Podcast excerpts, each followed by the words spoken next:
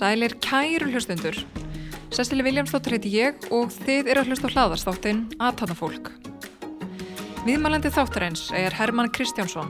Hann er stopnandi og fyrirum frangotustjóri Vaka sem er 30 ára gammalt háteknifyrirtæki sem býtti búna fyrir fiskeldi.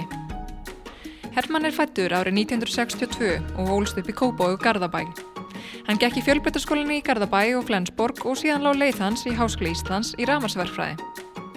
Hermann stopnaði vaka árið 1986 þegar hann var enn í háskólanámi með það að markmaði að tækni með það fiskeldi. Fyrirtæki starfaði í 30 ár og bjóð til um 50 mismundi vörur meðalans til að telja, starðarmæla, dæla og flokka lifandi fiska í fiskeldi og lagsviðán.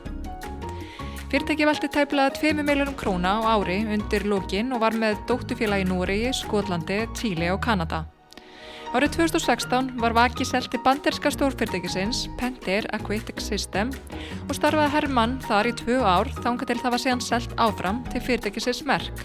Þar sem Hermann starfaði sem rákjafi þar til hann sæði skili við fyrirtækið eftir 32 ár. Í dag sittur Hermann í stjórnum Ímisa nýsköpunarfyrirtækja og sennir hestamennsku af miklu kappi þess á milli. Í dag fá að heyra aðtarnarsögu Hermanns. Sæl Herman og verður hjartalega velkomin í þáttinn. Já, konti sæl. Þakka fyrir að fá mig. Gaman að fá þig. Um, ég byrja ofta á æsku árunum og þannig að hvað ertu alveg upp og hvernig voru æskuðana þín? Ég er alveg upp í Kóboi fyrst, fyrstu tíu árin átti heim í Kóboi en hérna, í Östubænum. Það, það var hérna, mjög góð tími þetta er bara mjög fína esku þar ólst inn upp innum svona ja, mjög nálættir yðnaði hverfi og óbyggðu svæði og skórækt og svona þannig að það var svona ævindir heimur fyrir ungan já, unga krakka. Mjög gaman. Og hérna síðan flutti ég í Garðabæ þegar ég var tí ára. Og svona bjóð þar svona mest me meir og minna þá til 20 og tökja eitthvað, já. Þannig að hérna, þetta var svona óskup venjulega æska hérna, þess tíma held ég. Bara mjög fín. Kannski einu leiti óvennilega tí leiti til að ég ég fór í skóla hérna nýri, nýri bæ í landakotskóla mm. hérna, og, og hérna svona fram að 12 óra bekk þá var ég hérna í skóla í bænum og, og hérna og uh, gekk mjög vel í skóla fyrst alveg og bara hérna var með nánast tíu í áttarabekk í, í engun og, og hérna, þannig ég slefti nýjárabekk og fór strax í tíjárabekk og hérna svona eftir á higgja þá þá var það nú ekkert rosalega smart move sko, það hefði verið miklu betra fyrir mig að vera bara alltaf á toppinum og öldinu og, og svona Já, svona vera fremstu meðal jafningi kannski. Já, já, nákvæmlega. Sko, og, og kannski að því að þetta er náttúrulega, ég var held ég að kannski bara verið svona svolítið bráðþröska sko en, en ég, það jafnar sér út eins og já, já, eins og og gamlu kallandi segja sko þannig að kannski hefur bara verið best að hérna, fara að læra á píano eða eitthvað til að halda mér upptegnum eða gera eitthvað svona annað með skólanum sko. En, en þetta var hérna ákveðið og allt í lagi með það. En, ég, en það var til þess að ég var alltaf með eldra, eld, einu ári eldri krökkum mm. í skóla og, og eftir nýja áttarabekk. En, en uh, það var svona það var smá, fannst mér erfitt á tímbili sko, á, á, stund, á stundum að vera alltaf með aðeins eldra fólki í skóla mm. En á öðru liti þá var þetta bara mjög skemmtilegt, skemmtileg æska sem ég átti og eldri bróðist, tveimur árameldir sem var svona leiti, leiti okkur í gegnum þessa svona æskuna og það var bara mjög gaman sko. Í hvaða mentaskóla fórstu svo? E, e, þegar ég fór, já ég fór sérst í flataskóla í Garðabæ, svo, svo í hérna, hverja skóla Garðabæjar, hérna þá, eða grunnskólan. Og svo, svo fór ég í FG sem var stopnaður í raun og veru bara þarna þannig ég fór nú ekkit langt frá heima högunum fyrst en það voru reynda bara tvö ár svo þannig að ég fór yfir í Flensborg í eitt og hálft ár þannig að kláraði þá stúdentin á einhverju svona svolítið hraðar en, en, en, en gengur gerist og eða þá. Og hérna ætlaði mér alltaf að fara í flugvirkjun. En hérna það var kennari sem að sem að ég var með hérna á síðast árinu í Flensborg þessi stjóninni sem hétt Egert Lárusson að veðufræðingur frægur hérna á stöð 2 á sín tíma hann, hann var hérna mjög skemmtileg kennari og kunni, hann var að kæra okkur eðlisfræði síðast áhuga, kunni sjálfur ekkert í eðlisfræði, sko, ekki neitt bara. En hérna hann, hann hérna svona e, svona var að le, reyna að lesa okkur svolítið og hvað áhuga við varum með og, svona, og tengd okkur og leta okkur gera einhver, eitthvað svona verkefni og tengdi mig við hérna raunvísastofnun háskólans hérna Pál Teodorsson hérna, sem var eh, svona yfir þar og, og ég fekk verkefni hérna hjá Pál, Páli sem að, sem að hérna var mjög einfalt og hann en það er svona kveikti áhuga minn á rafendatekni og, og hérna tölvu og svoleiðis og þá, þá var verið að þá voru svona á þeim tíma þá var svona Marila er hann að vera að fæðast og pólstekni líka og að vera að búa til vógir inn í hérna hinn á raunvísastofnun sem, sem að vera að nota í sem var í raun og veru síðan grunnurinn að Maril og pólstekni á, á sín tíma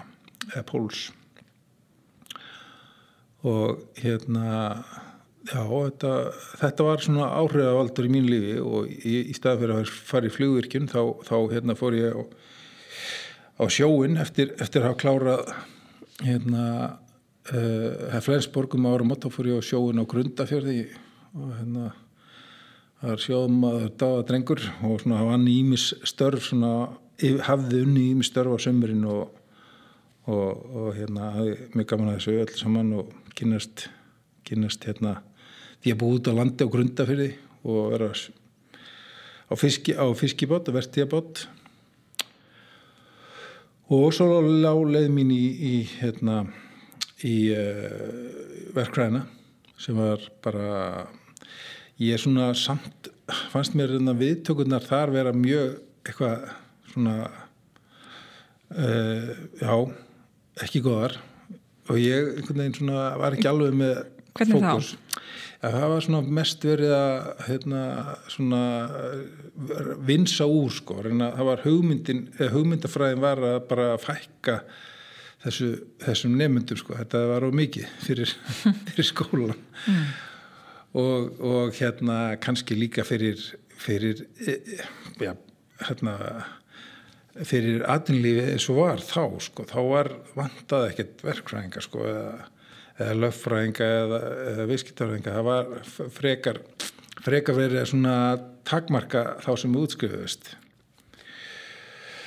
eða fjöldan sko því að þess að er ekki bara of mikið því en raunin vann og önnur sko það, van, það er frekar verið vöndun á mentuðu fólki en, en hitt sko og tala um kymmi í dag sko mm -hmm. en og, og þetta var nú hérna gekk nú freka bröðsölega hjá mér í byrjun og, og kannski ekki með nógun undirbúning og, og hérna en, en síðan eftir fyrstu tvö árun sem þá, þá fór svona þá var þetta meira meira fög sem voru svona höfðuð til mín og ég hafði bara rosalega gaman eftir það og, og bara já, bara gekk mjög vel setni tvö árun í, í verkræðinni og og eh, og e, þar í, í svona verkefni í háskólanum eh, í verkefni þá hérna þá voru verið tveir félagar að, reyna að finna analýsera fiskaldi sem var þá komið svolítið á, á, á legg hérna á Íslandi bara byrjunast í sko, analýsera þörf þar fyrir, fyrir einhvers konar tækni eða tæki eða eitthvað. Og fundum fundum út að hérna það vantaði, sár vantaði nákvæmari talningu á seiðum til að byrja með. Og það sem ég hef unni hérna eitt sumar á raunvistastofnun hjá Þorstein Sigfúsinni, doktor Þorstein Sigfúsinni þá, þá hérna og, og það sem verið nota tækni svona hérna örtölutekni og, og, og hérna ljósskinjara infraröðal fotosellur og allavegna þá þá hérna sá ég hérna ákveði möguleika á hvernig var ég hægt að telja fisk og, og hérna bjóð til svona verkefni úr því og, og í hérna og kynnti það þetta fyrir hérna, hann að klára það í þessum kurs, ákveðna kurs. Og hérna bæði vegi þá hérna þá var kennarin í kursunum hann var landsfræðum aður sem heitir hérna Jón Hjaltalín Magnússon. Handbólta frömmur skotharðasti Íslendingu það hefur aldrei verið mæl, mæl skotharðari maður í Íslandi.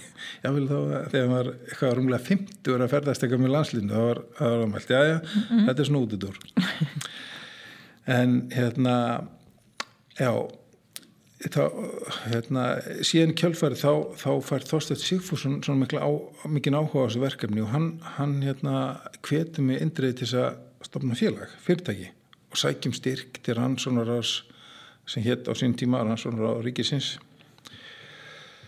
sem að hérna uh, uh, við gerðum. Við vorum tíu saman sem stopnaðum þetta félag uh, og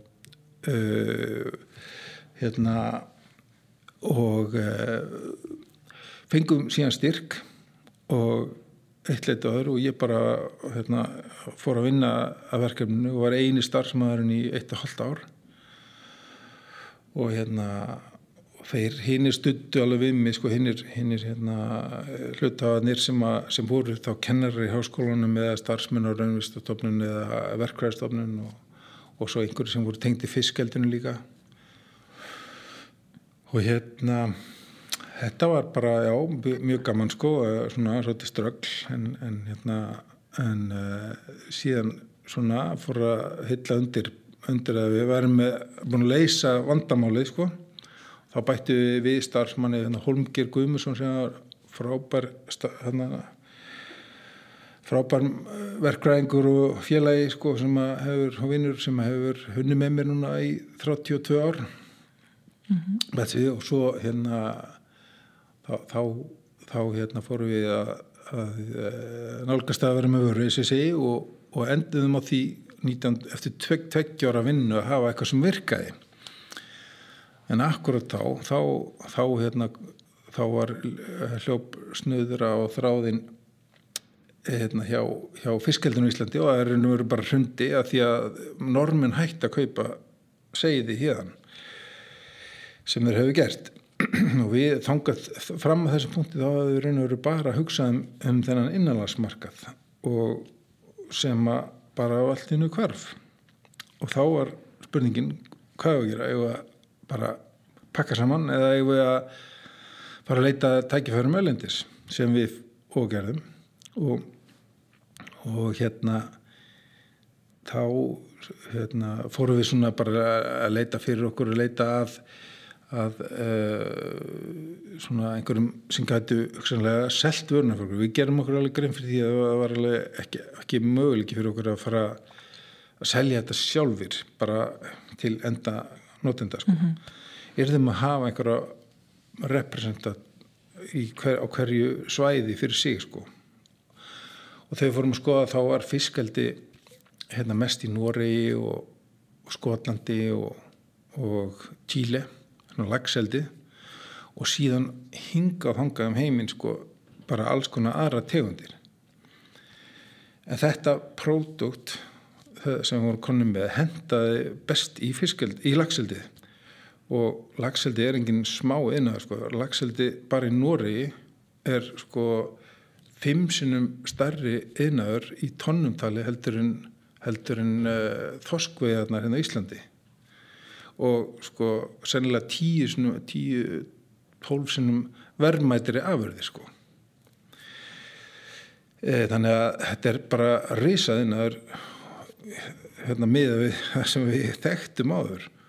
Og, og hérna við, við fórum bara að leita okkur að umbásmanni Nóri og svo var einn, einn hérna, þjóðveri sem að við rákust á sem að var að selja alls konar búnaði fyrskjaldi hingaðungaði heiminn og við tókum upp samstarfið hann. Og hérna hann bara pantaði hjá okkur strax tíu taljara og við bara vorum bara ekki með pening til þess að framlega þetta. Og vorum, vorum búin að vera bútt strappa fram að því í raun og öru og hérna bæta smá, smá hlutafín svona allir, allir sem er stóðað þessu. Og þá, og ég sagði hún bara frá því við bara getum ekki afhengt þetta og þurftum að ná okkur í penning fyrst og svona. Að segja, ekkert mál og send, send okkur bara bankamillifæslu upp á 10 miljónir þá. Þetta var 1980 og 8 mm. hvað svo leiðis 89 hugsanlega, já, manna ekki alveg Þetta hefur verið eh, hellinga pening á þessum tíma Já, kannski. þetta er bara sennilega náttúrulega einhversta milli 50 og 100 miljónir núna mm. þannig að og engar ábyrðir eitt ennett bara sendu úr þetta og við náttúrulega, þetta var svona flying start fyrir okkur og, og hérna, og gekk, þetta gekk allt saman mjög, mjög vel og þetta voru fullt af vandamálu sem komu upp með, með vöruna en við reyðist alltaf á það og, og unnum úr því mm -hmm. En uh, hvernig var tilfinningin að vera búin að búa eitthvað til sem einhver vildi lóksins kaupa? Það er mjög góð tilfinning sko, það er alveg, alveg meira þetta tilfinning sko. Og, og hérna já, ég fór hérna kannski, þetta var tveimur án setna, það, það var, þá lendi ég mitt í þessu sko að það sko að því ég þetta, þetta fól í sér sko þessi, þessi nálgunum markanum hjá okkur. Fól í sér sko að við ég, ég þurfti að fara rosalega mikið og sinna sögulega alveg og ná aðtikli þeirra til að hérna, leggja áherslu á okkar vöru. Og þannig að maður þvældist út um allt að, að reyna að selja þetta með þeim í raun og einu sinni fór ég eina ferð til uh, til hérna, Írland með hérna, sölumanni frá þessum þý, þýska aðila. Og þá áttu að fara ykkur fiskaldistöð hérna og, og eða nokkra fiskaldistöðar og fara enda svo á síningu í, í, í Edinborg. Og, og hérna förum við á, á, á fiskaldistöð til að sína einhverja flokkunum vel sem hann var, var að selja sko, og máttum hengja teljarina við og hérna hann, hann kúni var sérst fyrst og fremst að hugsa um flokkunavélina og og við, hérna, það var hávar, eða dælt fisk upp í flokkunavélina og fiskunum rann út úr henni og í gegnum teljarana og svona og allt gekk þetta mjög vel. Og svo í lókdags þá, þá segi kúnin hérna sem að var viðstættur þetta allt saman já, ég ætla nú ekki að kaupa þessa flokkunavél en ég ætla að fá svona teljara. Það var fyrsta sinn sem ég var með þegar þetta, við vorum að seldum eitthvað. Og við vorum búin að vera að vinna allan daginn og allt það og, og, og í, hérna, mjög, mjög erfiðar aðstæður og, og fórum svo um kvöldi og fengum okkur hérna að borða og vorum ekki búin að hafa votnið þurft allan daginn og ég panta með bjór og ég fullir að þetta besti bjór sem ég nokkur tíma fengi sko, það var alveg æðislegt að hafa fengið þetta, þessa sölu svona beint í æð. Mm. og þetta var alveg mjög mögnu tilfinning sko að hafa, hafa hérna loksins náð þessu sko og ég haf alltaf svona haft gaman að því að, að selja sko mm. og sérstaklega þetta okkar vörur sko mm -hmm. Akkurat, en hérna hvað gerist næst? Hvena fer svona boltina þess að rúla hjá okkur? Já þetta var svona þetta svolítið svona við þurftum að byggja á og alltaf ofan á það sem við vorum búin að gera áður og, og fjármögninni var bara bootstrapping málið. Alltaf, alltaf að reyna eiga fyrir hérna næstu mánaðamótum og og, og reyna að selja til þess að ná því og, og þannig að það var mjög stíf, stíf pressa og það var ekkert á þeim, þeim tíma var umhverfið, þessi fjárfæst umhverfið var mjög svona einfalt. og voru sko það var uh, ég man ekki hvort össu var akkurat komið þá en það var sæplast maril og póls og annars var rosalega mikið bara fiskvinnsla á Íslandi fisk og eður og vinsla og álverðinu þetta en í svona í svona um, hvað sér hérna yðnaði og þannig að þegar maður fór í bankan og var inn að fá einhver lán eða einhver hlust þá, þá bara byrju, getum við, ertum með einhverja fiskikassa sem við getum talið, þá getum við eittir einhverja hérna, einhver afurðalán. Nei, við erum með eitthvað hérna, eitthvað svona teknibúna já, nei, við kunnum ekkert að það. Og þannig að það var einhver ekkit, ekkit hjá böngunum að sækja að fjármagnin nema ég var alltaf, ég aukast yfirdrátturinn. Hann alltaf aukast og ég, svo sem ekki sagt koninu minni að enda á en hún fær sannlega að heyra núna að ég hérna veðsetti setti húsi okkar að veði. Já. Og, og ég einu sinni var við hattum sko hús í Garðabæði þá um, það var 1900 sannlega 93-4 og þá var sko ákvílandi á því 25 miljónir ábyrð bank, frá bankanum. Þetta var náttúrulega glórulöst algjörlega glórulöst en þetta var einhvern veginn svona hérna, maður hérna, smátt og smátt fór inn í þessa stöðu sko, og, og hérna og lagði hérna allt undir alveg algjörlega og hérna en En, en umhverju var bara svona. Já, en efastu aldrei um að þetta myndi ekki takast? Uh, nei, sko, nei, raun og verið ekki, sko. Ég, ég hafði alltaf svo mikla trú að því, ég, sko, ég átti aldrei vonaði að, að, að, þú veist, einhvern, hérna, einhvern svona success allt í einu, sko, yes, sláðu gegn eitthvað, ég, mér fannst þetta bara að vera svona einhver sígandi mm -hmm. sígandi árangur sko. Vaks, sít, hana, hægt vaksandi árangur sko. ég, mér fannst það einhvern veginn eh, alveg geta gengi sko. ég efast aldrei um það og, og einhvern veginn svona eftir áhyggja líka að já, nú allir í eftir áspekinni að þá finnst mér einhvern veginn ef maður gerir hlutina alveg eins og maður getur best þá, þá enda með því að maður hérna nær ánangri mm -hmm. ef, maður alveg gerir sitt besta ok, segjum sem svo worst case, ef maður ná ekki ánangri þá getur maður alltaf verið sáttuði sjálf að að hafa gert mm -hmm. sitt allra besta Lagt allt í þetta Já En, en eftir þannan uh, tíma að ég er einnig bústrappa fyrirtækið eða, eða hérna, Emma má nú hérna sletta á ennsku með það uh, þá ákveður nú samt að, að, að taka inn eitthvað smá fjármagn til að eru koma ykkur áfram og ná meiri vexti Já. hvaða leið fóruð þið svona í því?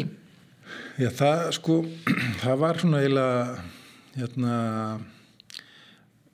kannski ekki óvennileg leið en, en, en það var þannig að það kom inn enga fjárfestir sem kom inn í félagið og, og hann var nú kannski með svona freka skamtíma hugsun og, en það hjálpaði okkur alveg í einhver tvö ári eða eitthvað leis og, og en svo, svo hérna kemur þróunafélagi Íslands sem var á sín tíma hérna stórt í þessum uh, svona, já nýsköpuna bransa og þeir, þeir kom inn þegar, þegar þeir í raun og veru kaupa hlutabriðin af þessum enga fjárfæsti og þannig að það, það breytti ekki engur fyrir félagi sko, það kom ekki félagin til góða. En næst þegar það var auki hlutafið þá, þá tók hérna svona þrónufélagi fórustunum getur sagt. Og það var bara mjög fínt sko.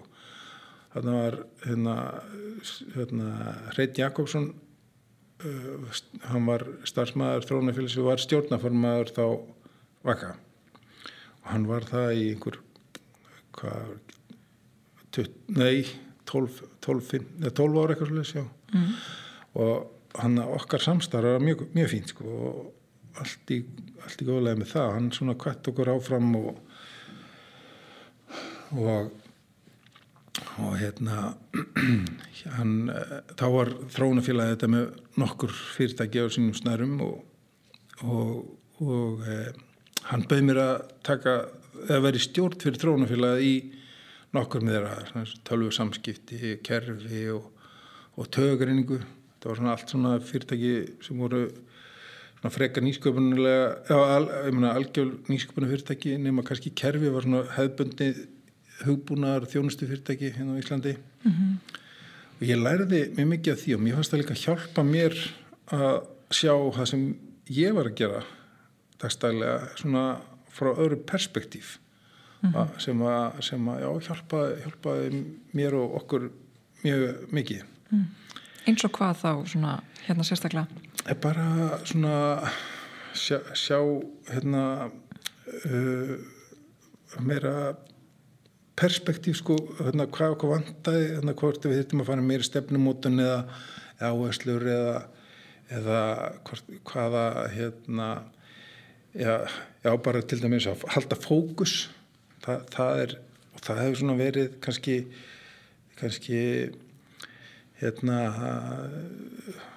svona alltaf, alltaf mantran mín sko í gegn tíðina í öllum félagum sem ég tekið þátt í sem eru núna yfir 30 sem að, að, að benda fólki á að halda fókus ekki þannig að fara út um því að við ætlum að reyna að ná árangri á einhvern stað og, og síðan pröfum út frá því kannski að því maður er svo einhverjum eða, eða takmarkar maður getur ekki hugsað um margt í einu mm -hmm. sem kannski hérna kemur okkar næsta punkti sko að hérna að e, þróunafélagi átti líka hlut í, í hérna í DNG sjóvila sem var fyrir norðan Akureyri sem var framlega handfæravind, tölustýra handfæravindur og alls konar búna fyrir fyrir hérna fyrir uh, svona smábótaveðar og, og, og línuveðar og svona.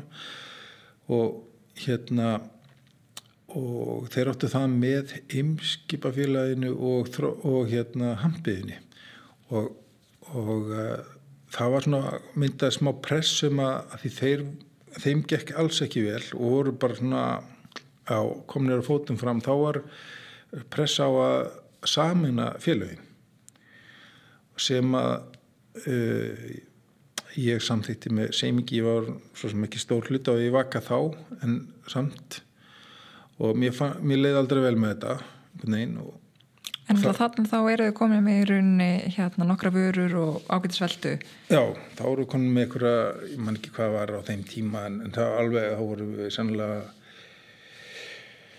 sennilega orðin svona 15 starfsmenn á Íslandi eitthvað sluðis en við vorum aldrei með framlýsluna sjálfur sko. hún var alltaf outsourcu hún var, vorum bara með framlýstu stýringu einn, tveir menn í framlýstu sem stýrði bara innköpum og samskiptum við undirvertaka hérna á Íslandi og og hérna það, það er annað leikilpunktur sem við getum kannski komið að á eftir mm. hérna, En hérna hvernig gekk svo saminningin?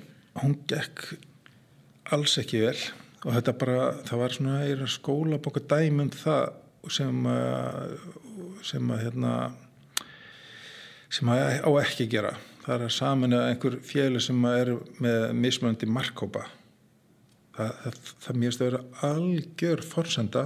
Með svona mismöndi viðskiptavinni já, já, já, já, já, þú veist, annars vegar fiskveiðar, maður sé að smábota sjóminn kannski mest og svo fiskeldi sem var líka bara ellendis þannig að hérna, kannski var ég bara svona takmarkaðar og er að ég gæti ekki hugsa um þetta hvort ekki einu og, og hérna uh, virkilega svona syndi og þetta gekkir hún að vera aldrei upp sko. En og, og þannig voru að, svona laskaðir heldur við áfram til 2000 og tvö eða eitthvað svo leiðis þá, þá hérna já, 2003 þá, þá ákvaði ég, þá vorum búin að gerast alveg mikla breytingar á svona markanum hérna heima þessum, þessum fyrirtækja nýsköpunar markaðir og þá var komið hérna búið að samina þróunafélagin í eignaðarsfélagi, allþjóð bankars og, og síðan áfram eitthvað og, og voru svona komni sjóðir hér og þar og fleis og, og, var mikið svona dot-com svona og, og mikil sveibla á, á hérna góðærinu en þá og menn svona búin að missa svolítið áhugaðan á félaginu. Þannig að ég í félagi með við hérna vinn minn Daniel Helgarsson keftum út stærstu hlutafana, Hampiðuna og Brú fjárfestingafélagi hérna, sem, sem var henni í ströymi ströymibanka á sín tíma keftum það út og einhverja nokkra viðbót sem mann ekki hérna, hvernig var og eignust hann í bara 80% í félaginu. Ég var með 67 og hafa með eitthvað cirka 13% og, og breyttum svolítið stefninni seldum DNG í tveimur áfengum út til, til norsks félag sem var í, í sjáurðisbransanum sko, og ákvaða með einbet okkur af fiskaldinu og, og þeim árangur sem við náð þar sérstöðu sem við náð þar. Og e, borgum upp skuldir og, og það, það var alveg bara fókus á það og svona rétta kursin og styrkja okkur okkar stöðu ellendis kom okkur inn í Tíle líka í stofnu, eða við vorum svo sem komin inn þar hérna, með, með vörðnar og bósmenn svo ákveðum stofnast hérna, dóttufélag þar og í Noregi, Skollandi og, og svo svona upp úr þegar hruni kemur 2008 þegar hruni varð þá, þá voru við skuldlust félag með bara fína veldu og allt saman mm. útlutning þannig að staðan okkar var mjög sterk. mjög þessum tíma. alveg, alveg hérna mjög, mjög gott en uh, hvernig er á stundu viðskipti í tíli til dæmis? það er bara, bara mjög fínt sko. Uh, það var auðvitað rosalega framöndi að framhanga og ég, ég fór hana fyrst 1990 eitthvað svo leiðis þá var þetta bara mjög frumstætt og, og hérna og, en, en mjög gaman að koma á það en, en, en hérna fólkið er mjög og fyrirtækin mjög pottjætt og heðileg og allt, og allt fór í gegnum þetta banka ábyrð og svolítið í byrjunum en síðan hérna en öll viðskipti síðan bara gegn félagið okkar þar. Og það var aldrei ekki mann ég eftir neinu svona sem við höfum tapað þar sko. Og, og það, það er bara náð, ég hitti hérna alveg frábæran á frábæran einstakling sem Jorge Casíkuli hann, hann er hálf ítalskur en, en, en er í raun og veru tíle búi og, og, og hérna dýralæknir, hann, hann var frankvæmtastjóri að, að dóttuvílaðu ykkur aðar og stóð sér svakalega vel í uppbygginginu og ég ferðaðist mikið til Tíli á í, í mörg ár þar sem ég kom til hans og stutti mjög vel við hann sko, og við byggðum með félagi þar alveg frá grunni og það var orðið bara já, mjög gott félag og sendi þjónustu við kunnan og, og með mjög, mjög gott mm. reputation og í rauninu þessi dóttufélag sem vart hérna, að vitna í þau voru aðalega í svona sölu markastjóri hérna í sölu markastarfi þá í því landi Já. sem þau voru staðsett Já, reyndar reyndar stýrðu við smá framleyslu í Tíli, sko, hluti að sem búnaði frá okkur voru svona doldið mikið stál sem að, sem að við ákvaðum að reyna að framleiða á staðnum til þess að til þess að hérna spara flutnískostna og líka tíman sko, við getum sendt hérna tölvubúna og, og hérna, myndavelar og dótt bara með flugi og, og svo fóru allir umbúnaðurinn allir í kringum hánar framleitur á staðnum af, af hérna, einhverjum undirverðstakar líka. Það, þetta var frekar einfalt fyrir okkur eins og við vorum undirverðstakar hér þannig að við bara tókum teikningarnar og bara færði það yfir sko. færði þetta skapalón yfir á, á aðra markaðurinn já.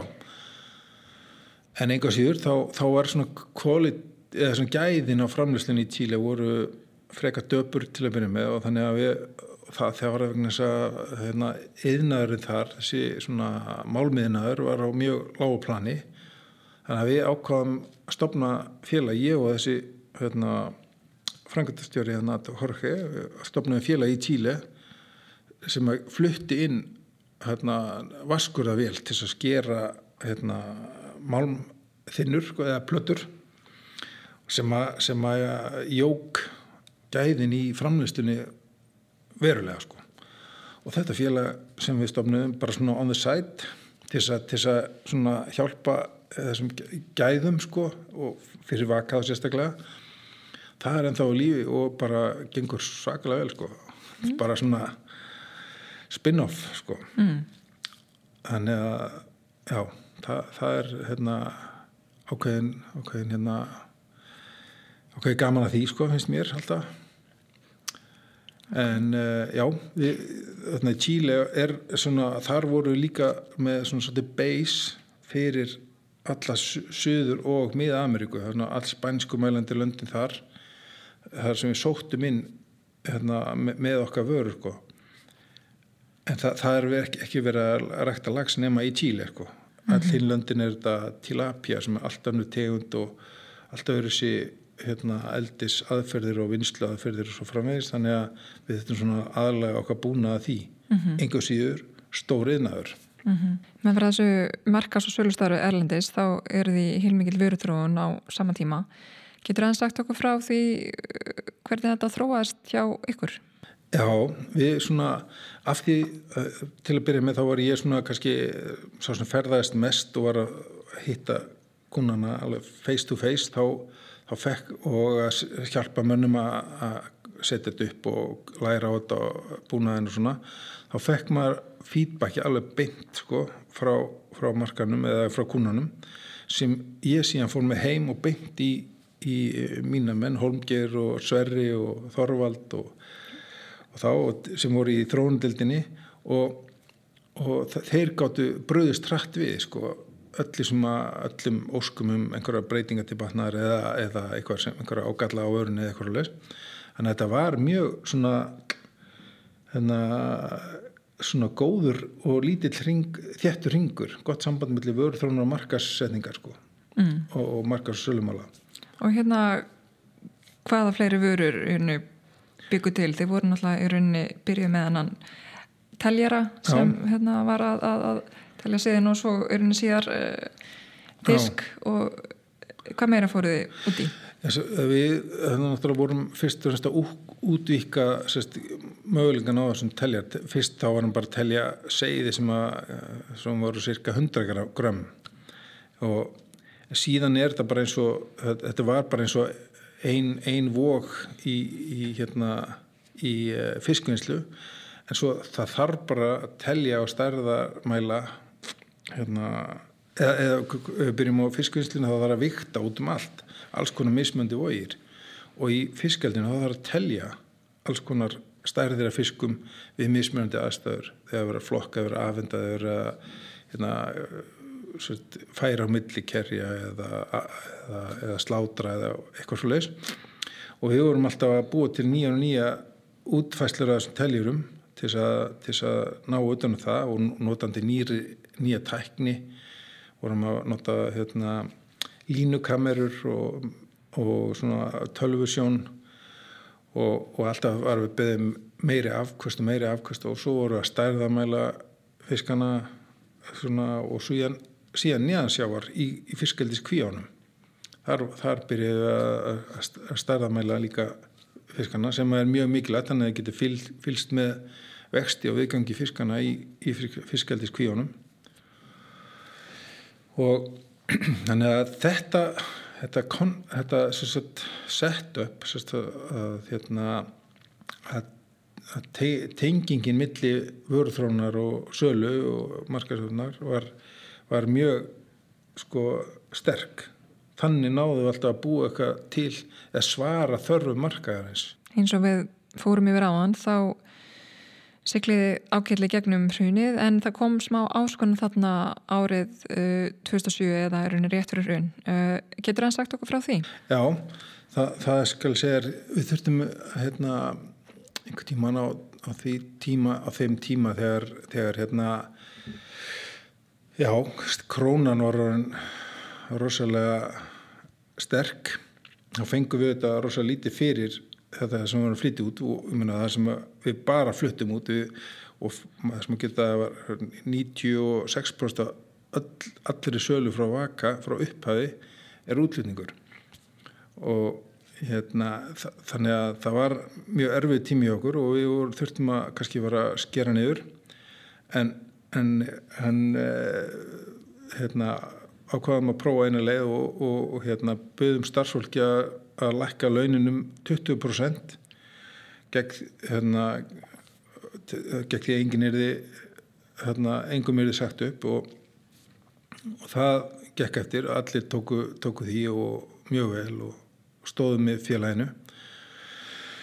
Og hérna síðan upp úr hrunni og, og þegar betur fór að ganga þá, þá hérna ákvaða að koma á svona bónuskerfi og í raun og veru fengu allir starfsmenn tvöföld áslun sín í bónus á, á, á hverju ári í tíu ára og eftir.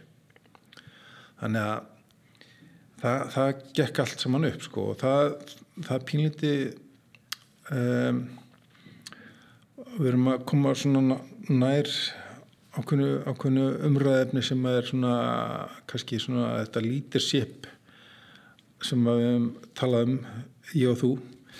Það er hérna svona sem mér svona, ég hef verið að hugsa um eftir á hvernig mér gekk mjög vel að leiða þetta fyrirtæki. Og, og hérna var mjög heppi með samstagsmenn en ég, ég held sko að það verið tólti mikið atriði að, að hérna, ég hafi sjálfur brennandi áhuga alveg brennandi áhuga á viðfangsefninu og laði mig allan fram. Og þá hefði ég svona haft smitandi áhrif á þá sem voru kringum mig. Þeir hérna, komu á fullu inn í þetta sko og lögði sér mjög fram sko. Ég var ekki á sama tíma ég var að beða aðrum að lækka launin sína hækka launin mín sko en, en svo, það var bara ekki gerða nákvæmlega sama. Og, og þannig, þannig myndast einhvern veginn svona rosa stert heimi í kringum þetta og alltaf að koma upp einhver vandamál þá sogast fólki að til þess að hérna, taka á því saman. Í staðan fyrir að oft þegar koma upp vandamál í svona fyrirtækinn þá svona svona hver, hverfur fólki svona lætið þessi hverfa þess að, að, að kom ekki svona sletta vandamáluna á það sko það sé ekki tengtið þetta vandamál en þarna í vaka þá, þá myndast þessi stemminga þegar kom vandamál þá komu allir tóku að því mm -hmm. það er alveg rosalega mikilvægt og stert sko mm -hmm. og ég, þess vegna var ég aldrei aldrei hérna smeykur sko, ég var aldrei smeykur því ég var með svo góða menn með mér mm -hmm. menn og konur sem að tóka á þessu með mér sko mm -hmm. En hvað heldur þú að þú hafið svona gert til að stuðla þessu og þessari vinnustada menningu? Ég held að bara hafi verið þessi, þessi brendi áhugi minn sko og, og það þegar aðrir lendi í vandamáli mín inn í fyrirtækinu veist, þá, þá, þá kom ég alltaf og stutti við hvað sem það var sko. ég, ég til dæmis hérna, í byrjun me, meira minna þá, þá hérna svona eða fljótlega eftir að við stopnaði félagi þá kom ég hérna, fjármálunum yfir á einhvern annan. En ég skildi hann aldrei eftir með vandamáli sko, hann bara sá um fjármál og, og bókald og svo leiðs og framleyslan, við komum henni strax í hendur undirvertaka og, og svo, en síðan var framleystu stjóri en ef að framleystu stjórin lendi í vandamálum þá, þá var hann alveg óhrættur að koma til mín og ég tók á því með honum hvað, hvaða vandamál sem það var og, þannig hérna bara var þessi kultúr til sko, mm -hmm. að allir stóðu saman sko. Ég raun vera duglegur að deila þá verkefnum en samt á saman tíma vera tilbúin að stíga inn og steytja veið þegar á þarf. E, þessi klið ákveðla í gegnum hrunið og síðan fer að ganga betur hjá okkur þarna upp á 2012 og þeir eru byrjað að velta yfir miljardar íslenska króna. Hvað skiptir mestu máli þarna hjá ykkur til að ná þessum markgrumum á þessum tíma? En það var það var hérna held ég bara við hérna heldum áfram að byggja upp svona stiga stígi sko og, hérna, og sinna, sinna þessum ok okkar markhóp fiskaldis hérna, fyrirtækjunum. Og vorum með hérna, dóttifyrirtæki á líkil stöðum sko hérna, og, og síðan umbóðsæðila annar staðar. Byggja upp þá og, og hugsa sagt, hugsa þetta þannig að gera þeim lífið eins auðvöld eins og þeir, við gátum þess að þeir getur selt og, og stuðning við sko til alltaf þjónust og slist þannig að, að þú veist allir eru mannlegir. Þannig að sölumennir í hverju einu landi og fyrirtæki og okkar eigin fyrirtæki meðlendis þeir, þeir svona bara við þetta vilja selja það sem er auðvitaðst að selja og skapa minnst vandamál fyrir þá.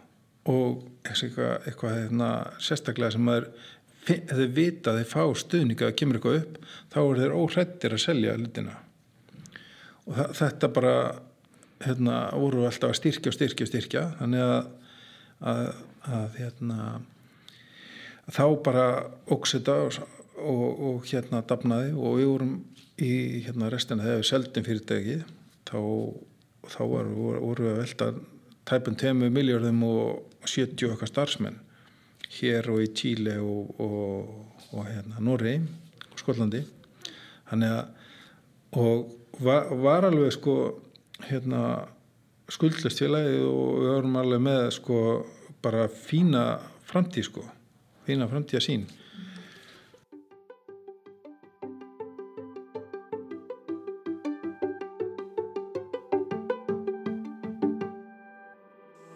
Ég ger hér stuttlið til að færa ykkur skilabóð frá kostunarlega þáttarins.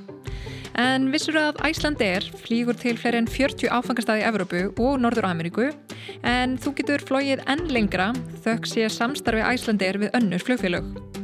Þú flýgur þá hluta leðarnar með Æslandir og hluta með samstarfsfélagi allt á einu miða.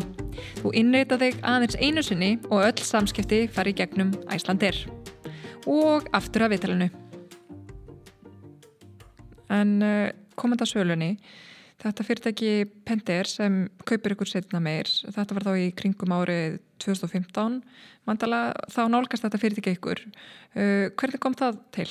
Já, já það sko e, já þeir, þeir hérna nálgast okkur hérna e, við vorum byrjað að vinna með þeim sko svona, þeir voru byrjað að selja fyrir okkur inn, á, inn, inn í bandargjónum í kattfissmarkaðanum í hérna Suðuríkjónum og og svo eitthvað hérna e, svona, það er svona svolítið skríti fiskaldi í bandaríkjónum það er svona alls konar tegundir og í, í svona ekki, ekki stó miklu magni hver og einu en vor, þeir voru seljast fyrir okkur og þeir voru með einhverju vöru sjálfu fyrir fiskaldi og þetta er risastórt fyrirtæki. Þeir voru sko með 32 starfsmenn. Og þeir hérna byggði okkur um fund á, á síningu sem átt að vera í Nóri hérna, í ágúst það ár. Og, og jú, jú, ekki málið. Og ég hérna, funda með þar og þar er svona aðal maðurinn í þessum geira hjá þeim og einhverju tveir með honum sem að, að beða mig um að vera með smá kynningu um fyrirtæki af því að hinn í tveir hefur aldrei hitt mig eða þessu eh, tildulega lítið um vaka ég virtist og ég fór gegnum einhverja gamla kynningu og rúlaði yfir hana og svona og svo bara í lokkina þá saði maðurinn, heyrðu við viljum bara kaup ykkur.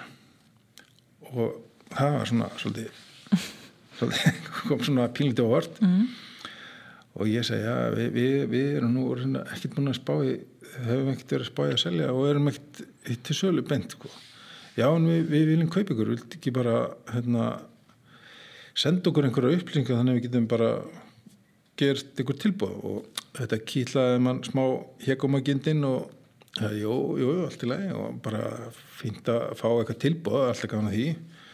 Og hérna, sendiði með einhverjar upplýsingar og nokkur um ykkur síðar kom bara tilbúð þá hérna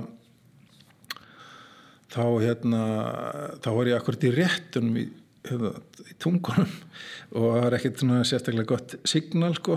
Og það ringir í mig maður, maður frá þeim hérna og segir að við erum búin að skoða tölnar og við viljum borga ykkur hérna X fyrir þetta. Og, og ég hérna já. Og svo dætt út símin hjá mér og hérna hann tólkaði þannig. Eins og ég var verið bara móðgæður skellt á hann og, og hérna ég var svona harður í samningum sko. Já, þarna var ykkur svona ómend samningatækni í, í gangi. Já, svo, en hérna en ég náðu nú sambandið hann aftur og sagði hann, nei, þetta er nú ekki við erum ekki sáttir. Og, og við, við erum eftir, eftir að hafa rætti viðskiptafélagið mér þá sanna, bara gaf ég bara upp nógu að háa tölu. Og hann hún sveldist á hérna okkar manni og þeir ringdu viku síðan sagði ok, við erum til í þetta. Og, og hérna og þá hótt ferli sem var mjög langt og erfitt og, og leiðilegt jail og, og hérna kom, svo kom smá hérna hyggst á það út af þeirra einhverjum, einhverju svona strategíu hjá þeim. Það var svona svolítið kannski svona tíma eða, eða táknu það sem átti eftir að verða. Að, að það, var, það var frestað um, um hálft ár og síðan tókum við upp aftur þetta, þetta hennan prósess og loksist gekk það í gegn allt saman og sala svona, í november 2016 og þá var salan gengin í gegn. Þá var salan gengin í gegn en, sko. en er þetta einfalda kannski svona eignarhald á fyrirtækjunu út af því að þú varst þarna í rauninni eh, búin að kaupa út ákveðna hluta og svona það hefur vantala samt sem áður doldið í rauninni hraða til að, að þetta gekk eftir og ákveðantaka innan og annað. Já, já. Já, já, og, og líka fyrirlega var skuldlaust og var ekki með neina skuldbindíkar neinstaðar mjög lítið og og hérna, já þannig að það var það var hérna skal ég segja, gekk þannig mjög hratt. Og síðan, síðan hérna síðan hefstis nýtt tímabil sko með, með Penter. Mm -hmm.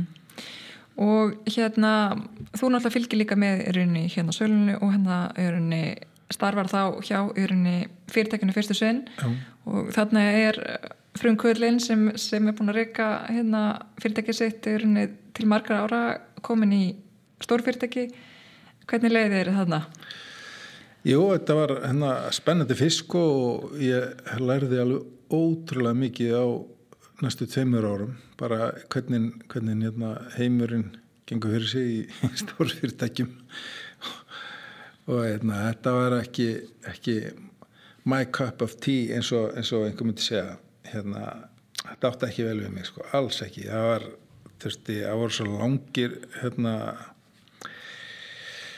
einhvern veginn langir ferlar og tengslinn millir manna og sviða voru svo eitthvað flókin og við vorum til dæmis að reyna að kaupa bíl í Skotlandi sem til þess að, eða leia bíl eða eitthvað bara þjónstumæðurinn að fengi hérna sko bíl til umröða en það var þrautin þingri, það enda með því bara ég dró upp sko korti sjálfur sko eftir fjóra mánuði eldingarleiku innan, innan félagsi sko að reyna að gera eitthvað. Það var alveg bara, bara leia bíl sko sem að bara tekina ákvörðunum að fimm mínutur sko áður og bara gert Já, en, en þrátt fyrir langa ferðla annað, þá varstu þarna í tvö ár og það hægðist tölvist á vöru þráðan hjá ykkur, en, en það voru ákveðna hlutir sem við komum samt sem aður í gegn með ymsulegum. Getur aðeins sagt okkur frá því? Já, það til dæmis þá þá hérna fengu við svona fyrir, það var alltaf skemmtilegt hérna dæmi um svona hvernig, hvernig hérna, hérna ég komst á ákveðinni niðurstöð sem ég kannski kemaði á eftir að við, við fáum þetta fyrirspörn einhvern tíman uh, bara í desember hérna 2017 held ég að hafa verið um að aðfenda einhver, einhverju teljara um borði í, í hérna, svona brunnbáta í Noregi. Og það, við hérna áttum ekki til þessi tellera og þetta voru miklu, miklu starri tellera heldur en við hefum noktið minn gert. Og, og ég bara sá það að það myndi taka okkur alveg bara marga, marga mánuði að fá sérst leifi til þess að þróa þetta hjá, hjá móðufélaginu Pender og þannig að ég við ákvæmum bara saman, ég og mínir menn að senda bara einn tilbúð þó þetta, þetta væri eitthvað sem vættum ekki til. Bara, bara stó, notum stóran blíjant eða penna til að skrifa tölunda hvað þetta kostiði og slúðis og bara já gjör vel, hérna er tilbúði og þetta já, síðan bara í februar held ég að hef verið eitthvað slúið, januar, februar þá fáum við bara pöntun. Bara staðfesta pöntun og inn á greiðslu þá var hann góður að við þurftum að leggja stifir þetta og gerðum það að þróa útfærið þennan nýja teljara og náðum því á því líkum með tíma sko. Þannig að við afhendum í, í april á 2018 eh, eitthvað svoleiðis. Og þess þetta vissu þeir aldrei af. Þessi mínir, eða okkar, okkar hérna, menn í móðufélaginu þeir bara þetta var einhver pöntun upp á einhverja 60-70 miljónir eitthvað sluðis og, og síðan er þetta núna ein, einstaka söluhæsta hérna, varan í, í félaginu. Ég held að seljist eitthvað 150-200 miljónir fyrir 150-200 miljónir ári eða ég vil meira. Ekki alveg með púlsinu að því núna.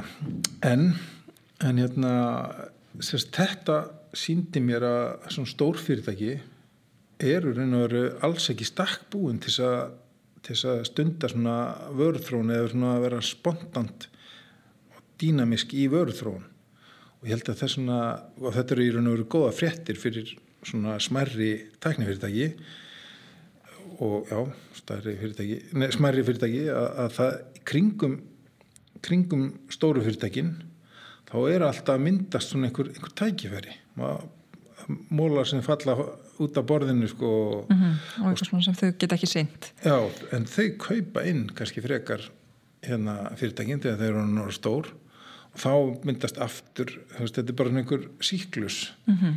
einhver, einhver ringrás einhver ringrás nýsköpunar ringrás þar sem stóru fyrirtækinn eiga erfæra með að reyfa sig uh, rætt Já. eins og þau minni en, en þarna undir lók 2019 að, að, að hérna, þá er nú líka hérna, einhver hefing og vaka og það er hérna, annað fyrirtæki sem vil kaupa vaka frá Pender Já. Hvað er það hérna? Þa, það var eh, hérna Pender var fór í nokkur sinnum í einhverja st hérna, stef, mikla stefnubreitingar á tímbilinu og enda með því ég gafst upp sjálfur og, og hætti hérna undir lok 2018 og eftir að hafa verið þar tvö ár og, og hérna árið síðar þá, þá er, er fyrirtæki selt aftur, vaki, til Merck Pharmaceuticals eða, eða, eða deildar þar innan sem heitir hérna, MSD Animal Health. Það er 90.000 manna fyrirtæki í bandaríkjónum mm. og, og reyndar út um allan heim. Og það sem þeir vildu þetta passaði rosalega vel við einhverja svona einhverja framtíða sín hjá þeim. Og hérna e, og þar þeir reyði mig sem svona ráðgjafa fyrir hérna sérstaklega svona nýsköpun innan, innan þess að gera og sem ég vann við í cirka eitt ár og, og svo bara hugsaði með mér ég, ég, ég, þetta er ekki fyrir mig að vera í svona, svona reyna að hlaupa í, í, í vatni sko. Það er ég vil bara frekar einbita mér að einhverju öðru mm -hmm. að þetta var svona já þetta var allt, gekk allt út á prósessa og, og, og svo var verið að slíta eins og ég var að tala um það en að stutta þarna, stuttu tengsl þetta tengsl milli sölu og vörðruna sem ég tel að sé svo mikilvægur í nýskupun hann var verið að slíta það allt saman í sundur sko allstar og, og gera vaka svolítið að svona bara þróunar batteri og mér fannst það er algjörlega raungstefna en en uh, ég ætla ekki að breyta mark 90 manna fyrirtæki og þetta er ákvað bara taka mig frí sjálfur Já, að hérna láta gott heita. Já. En, en hérna, ef þú horfið smá svona í baksínspeilin uh, er eitthvað sem þú hefði gert öðruvísi uh, á þennum vegferð? Já, já, en, en það, það fyrst og fremst þessi saminningu DNG, sko, hún, hún senkaði raun og veru vexti og viðgangi vaka um sennilega fimm ár eða jável meira, sko. Mm -hmm. Svo, svo hugsa ég að, hérna, að það er fyrst og fremst það, sko, mm -hmm. fyrst og fremst það og en, en mest, mest hitt sko er svona smáatriði, þetta er svona aðal mm -hmm. finnst mér. Akkurat, en svona það sem þið gerðið einlega best? Það er, finnst það að verið einmitt þessi hérna, þessi tengslmyndi vörðrónar og markas og, og, og sinna veist, hérna sölu og markas starfinu mjög vel sko og þjónustinni byggja það upp. Það er og, og þetta með, með undirvertaka að hafa sérst, vera ekki með framleyslu sjálfu sko, það er alveg drefið okkur miklu, bara þú veist í árdaga. Mm -hmm bara fá einhverja sem kunna, kunna það. Mm -hmm. og það þetta svolítið meiri vinna að fá til þess að, eða þess að útbúa fyrir þá gögn, þannig að gæti framleitt. Vorum, hérna, við vorum með 40 undirvertaka og byrkja á tímbili sko og sennilega miklu meira núna sko mm -hmm.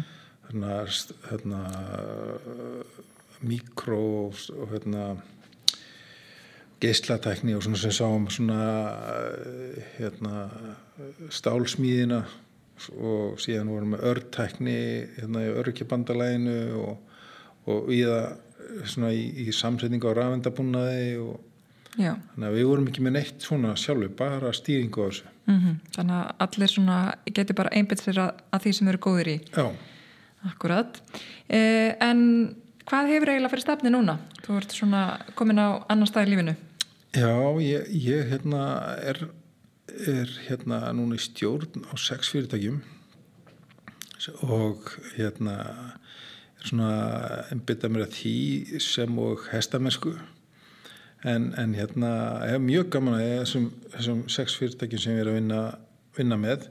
Þetta er allt saman nýsköpuna fyrirtæki og það, þar er ég svona einmitt að nýta reynsluna sem ég, mér finnst ég hafa þess að forðast alls konar gildurur og, og styðja við líka á, eins og á samahátt ég gerði áður sko styðja við þá sem eru frangöndastjórar þar eða, eða markastjórar eða sölustjórar eða eitthvað og svona hérna stiðja við að það er alltaf einhver, einhver vandamál og vand, vandræði. Mm. hérna og já og mér finnst þetta mjög gaman sko alveg. Já, svona miðla reynslunni. Já um, en, en, en eins og þú komst inn á hana áðan sko í herstamennskunni en svona annað svona í gegnum tíðana þegar þú ert ekki að, að vinna að vaka, hvað svona hefur þetta mest fyrir stafni? Það, ég var, hef alltaf verið svona í stjórnum einhverja fyrirtækja eins og ég sagði áðan sko með sem að fyrst það sem að hérna, þrónaði fjölaði fekk með inn í og síðan hef ég svona hérna, verið fengið til að vera í fleiri fyrirtækjum og svo hefur ég verið að vinna og hérna, vettvangi hérna, samtaka einæris ekki nýlega en var á tímbili og svo var ég í stjórn hérna, Rannís og var að vinna fyrir hérna, Íslandsstofu. Og svona í kringum þetta sko svona á nýsköpunar uh, sviði. Og þessi fyrirtæki sem að ég með nú, núna þau eru, þau eru bæði hérna Íslandi, Nóri og Tíli og þau halda mér alveg upptegnum Já, nú að gera. Já, þannig að, já, já, já. Og segja veit ég líka fyrir, viðst að þú ert mikill hérna, tungumálamæður Já, ég, ég var alltaf alltaf á því? Já, ég held að alltaf hægt áhuga sko, ég minnst að ég, þegar ég var hérna, ferðast með sölumunum um Nóri hérna fyrst, þá talaði alltaf ennsku svo bara einn daginn hvað og þetta rugglega þetta, ég hef bara að læra norsku, hvað þetta gengur ekki lengur. Og fór í norsku í, hérna, í, í Hamralíð, öldugudelt þar, bara kvöldskóla. Og, og bara læriði nú mikið norsku og nota hana þannig að ég get alveg hérna, hérna tala norsku og, og viðskiptaföndi svo fór ég í spænsku líka að ég var svo mikið í, í Söður Ameríku og Mið-Ameríku og Tíli hérna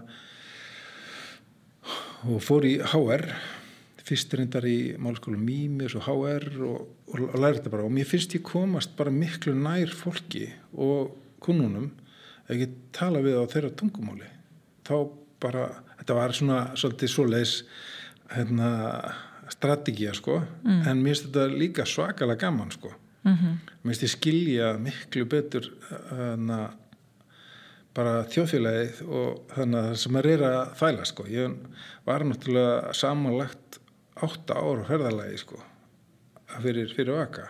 Akkurat, og náttúrulega því líkur styrkliki að, að hérna, hérna geta tjá sig á, á, á hérna, þeim tungumálum. Já, nákvæmlega. Það... Um, en svona að lókum, ef þú horfir yfir fyrirlegin, uh, hverju ertu svona stoltastur af? Já, uh, ég veit ekki hvað að segja, kannski bara starffélagunum hérna, hvað, hvað er voru lengi hérna svona hvað ég átti langt samstarfi flesta og ég einhvern veginn lítið lendi í hérna í uh, svona einhverjum konfliktum sko yfirleitt. Ég til dæmis hérna hef bara mjög lítið hérna lögfræðikostnaður sem að hef fallið hvort sem eru mig eða vaka í gegnum tíðina bara, bara alveg bara nánast engin sko því maður er alltaf náða að vinna úr einhverjum, einhverjum hérna, ágrinningi sem kemur upp. Ég hef aldrei hérna, lendi í einhverju að fara fyrir dóm með eitthvað, eitthvað og eitthvað svona. Það, ég er stoltur af því. Þá kannski við höfum auðvitað að nota svona meir og meir uh, lögfræðingar til að undibúa mál eins og þessar sölur eða, eða einhverja samninga fyrirfram sko. En það er að leysa úr málum á farsalanhátt vinna með fólki og, og hérna og reyna að skilja fólk. Ég er, ég er, ég er engin snillingur í því en mér veist, ég reyni. Mm -hmm. og það skiptir náttúrulega sjálfsögðu mestu máli að, að hérna, vera með netta fólkið í kringu sig og, og sinna því vel Eh, Herman Kristjánsson, takk kærlega fyrir komuna. Takk fyrir mig. Ef þú vilt heyra fleiri sugur af aðtapnafólki þá hveti þið til að íta á subscribe-knappin á hlavarspeitunni þinni og fylgja okkur á samfélagsmiðlum. Ekki missa næsta þætti.